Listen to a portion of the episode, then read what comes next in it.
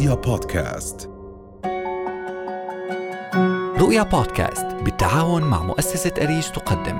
بودكاست ميت وات.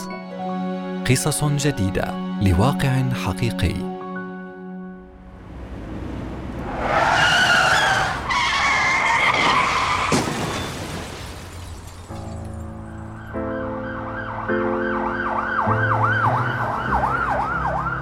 غادر شاب أردني عالمنا وهو في سن الثانية والأربعين من عمره إثر حادث سير أدى إلى وفاته دماغياً.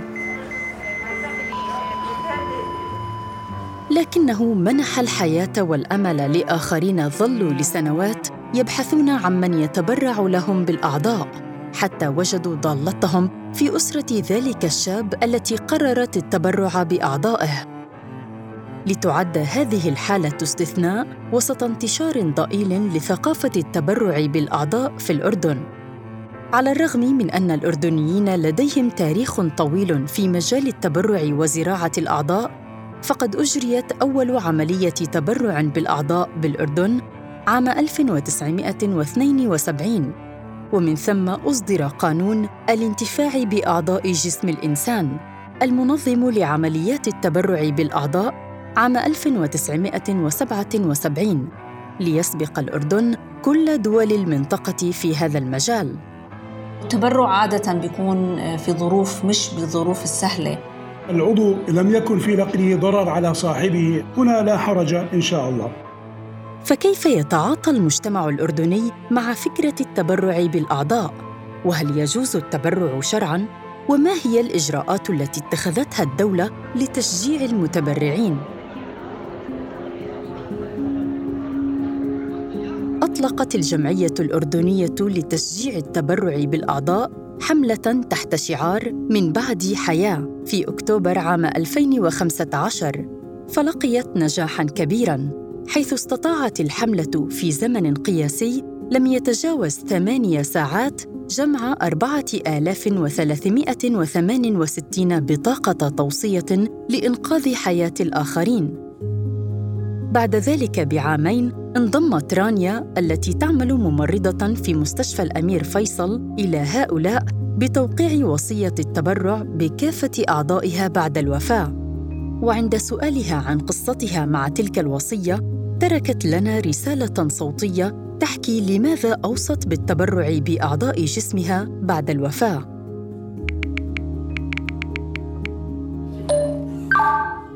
فكرة التبرع بالأعضاء بدأت معي من وقت ما كنت طالبة تمريض عم تحتك مع المرضى ومعاناتهم وبعد عملي كممرضة أطفال عايشت معاناة أطفال مع مرضهم وأحيانا آلام أهالي فقدوا أطفالهم بسبب عدم توفر متبرع. أيضا عايشت معاناة مرضى حديثي بلادة ماتوا بسبب أمراض في القلب. كان علاجها الوحيد هو زراعة قلب سليم جديد للمريض. وخلال عملي شاهدت قصص أهل تبرعوا بأعضاء ابنهم أو بنتهم الشابة أو الشاب اللي توفى بسبب حادث سير في وقت مفاجئ. شاهدت شجاعتهم وهم عم بيتبرعوا بأعضاء أولادهم بعد موتهم. لهيك قررت أكون بصيص أمل للمرضى بعد موتي وأساعد في وقف معاناة الكثير من المرضى وأهاليهم وأوصي بالتبرع بالأعضاء بعد الوفاة عن طريق الجمعية الأردنية لتشجيع التبرع في الأعضاء. أدت المعايشات والمشاهدات الشخصية لرانيا بحكم عملها في القطاع الطبي إلى خلق قناعة داخلية لديها بأهمية التبرع بالأعضاء. فكيف ترى الدكتورة رانيا جبر أمين سر الجمعية الأردنية لتشجيع التبرع بالأعضاء انتشار هذه الثقافة في المجتمع الأردني؟ وما هي أنواع التبرع؟ فيما يتعلق بموضوع التبرع بالأعضاء في عنا آه، نوعين من التبرع. تبرع من الأحياء للأحياء وهذا بيحدث في درجات القرابة للدرجة الخامسة. يعني يستطيع التبرع بجزء مثلا من الكلية الكلية نقدر نتبرع فيها وجزء من الكبد. لكن في حالات الوفاة يعني بيتم التبرع آه، ولكن عدد الحالات التبرع هي قليلة ومحدودة في الأردن. عندنا في إقبال للتبرع بالقرنيات بشكل يعني جيد بالرغم من أنه نحن في عنا ما يزيد عن ألف شخص منتظروا على قائم الانتظار لزراعة قرنية. لكن في عنا تبرع بالقرنيات مقارنة حالات التبرع الأخرى. لأنه التبرع عادة بيكون في ظروف مش بالظروف السهلة. خاصة نحن بنحكي عن حالات الوفاة الدماغية الناتجة عن الحوادث. للأسف عندنا في الأردن تحدث حوادث السير بشكل كبير جدا يعني حوالي 700 ل 800 حالة. نقدر نقول إنه جزء منهم ممكن أن يشخصوا آه، يعني عدد لا بأس به ممكن أن يشخصوا كحالات وفاة دماغية. لكن الإقبال الفعلي على التبرع من حالات الوفاة الدماغية قليل جدا ومحدود. وبنامل نحن من خلال البرامج والأنشطة اللي نحن عم نعملها في داخل الجمعية وعلى المستوى الوطني أنه يزيد الإقبال على حالات التبرع من حالات الوفاة الدماغية لصالح المرضى اللي بيكونوا على قوائم الانتظار.